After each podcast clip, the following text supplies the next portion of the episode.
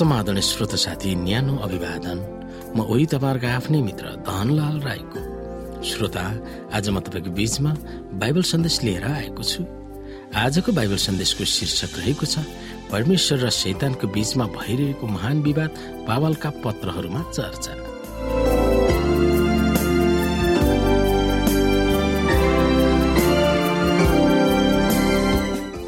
श्रोता हामी यहाँनिर परमेश्वर र शैतानको बीचमा भइरहेको महान विवाद पावलका पत्रहरूमा चर्चा भन्ने विषयमा एफिसीको पुस्तक छ अध्यायको दसदेखि बिससँग तुलना गरेर रोमी तेह्र अध्यायको एघारदेखि चौध र एक थेस्लोनिकी पाँच अध्यायको छदेखि आठ र दुई कोरन्थी दस अध्यायको दुईदेखि छ।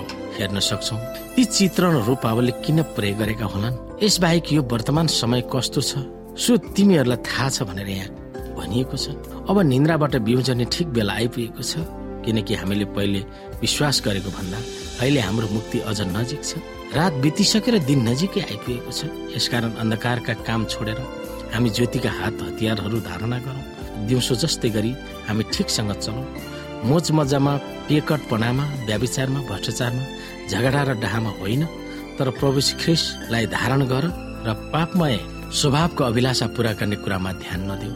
स्वभावको अभिलाषा पूरा गर्ने कुरामा ध्यान यसकारण अरूहरू झैँ हामी नसुतौँ तर जागा बसौँ र सचेत हौ। किनकि सुत्नेहरू रातमा सुत्छन् र मद्द पिएर मात्नेहरू रातैमा माछन् तर हामी चाहिँ दिनका हुनाले हामी सचेत हौ र विश्वास र प्रेमका छातीको पाता र मुक्तिका आशाको तोप लगाऊ।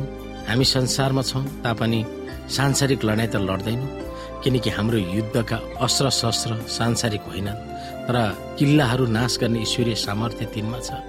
परमेश्वरकै ज्ञानको विरुद्धमा खडा हुने बहसहरू र हरेक अहङ्कामपूर्ण बाधालाई हामी नाश गर्छौँ र हरेक विचारलाई ख्रिसको आज्ञा पालन गर्नलाई बसमा पार्छौँ।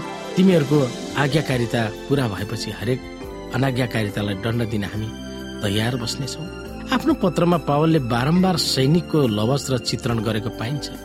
विश्वासीहरू सिपाही जस्तो व्यवहार गर्नुपर्छ भनेर उनले आह्वान गर्छन्। सुसमाचारको बारेमा प्रष्टसँग जानकारी दिन पावलले एफिसी छ अध्यायको दसदेखि बिसमा सैनिक शैलीको लामो लवज प्रयोग गर्छन्। उहाँले प्रधानताहरू र शक्तिहरूलाई निशस्त्र पारी ती सबैमाथि क्रुसमा विजय प्राप्त गर्नुभयो र तिनलाई खुल्लम खुल्ला तमासा बनाइदिनु भयो अब यसै कारण परमेश्वरले उहाँलाई अति उच्च पार्नुभयो र उहाँलाई त्यो नाउँ प्रदान गर्नुभयो जो हरेक नाउँभन्दा उच्च छ। कि स्वर्गमा पृथ्वीमाथि र पृथ्वीमुनि भएको हरेक प्राणीले यसुको नाउँमा घुँडा टेक्नुपर्छ र हरेक जीवहरूले परमेश्वर पिताका महिमाको निम्ति यीशु ख्रिस्टलाई प्रभु भनी स्वीकार गर्नुपर्दछ। उहाँले आफ्ना जनहरूलाई जगतको युद्धको निम्ति भर्ना गर्नुहुन्छ। यसुले ज्योतिका सैनिकहरूलाई महान विजय दिनको निम्ति अगुवाई गर्नुहुन्छ। सैनिकको प्रतीकलाई प्रयोग गरेर पावलले यो बुझेको पाइन्छ कि जगतव्यापी असल र खराबको युद्ध लामो समयसम्म रहने दुई सैनिक दलहरूको बीचमा मुखामुख गरेर भइरहेको युद्ध एक दलले नजितिन्जेल युगौं युगसम्म चलिरहनेछ। जगतव्यापी युद्धको बारेमा गरिने चर्चामा पावलले एफिसीको पत्रमा प्रयोग गरिएका जगतव्यापी युद्धको जगतव्यापी युद्धको बारेमा गरिने चर्चामा पावलले एफिसीको पत्रमा प्रयोग गरिएका छन्। उनले अस्त्र शस्त्र भिड भनेर उनले प्रयोग गरेको जगतव्यापी द्वन्द्वका तत्त्वहरू जम्मा गर्दछन्। परमेश्वरले विश्वासीहरूलाई युद्ध गर्न सशक्त बनाउनुहुन्छ।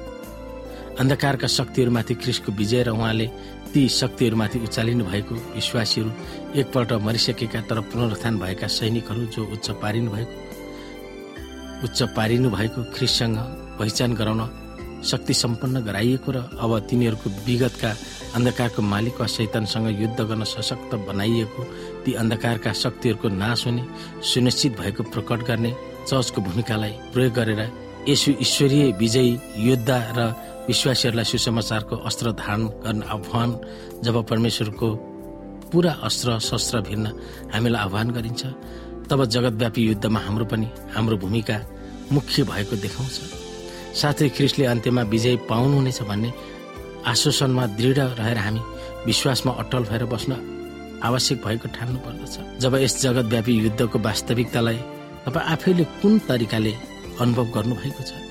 ख्रिसमा रहेर हामी विजय हुने कस्तो दावी गर्न सक्छौँ? हाम्रो आशा र अनुभवको जग नै उहाँको विजयलाई बुझ्नु सक्नु धेरै नै आवश्यकता र महत्त्वपूर्ण छ। यिनै कुरामा हामी विचार गर्न सक्दछौँ।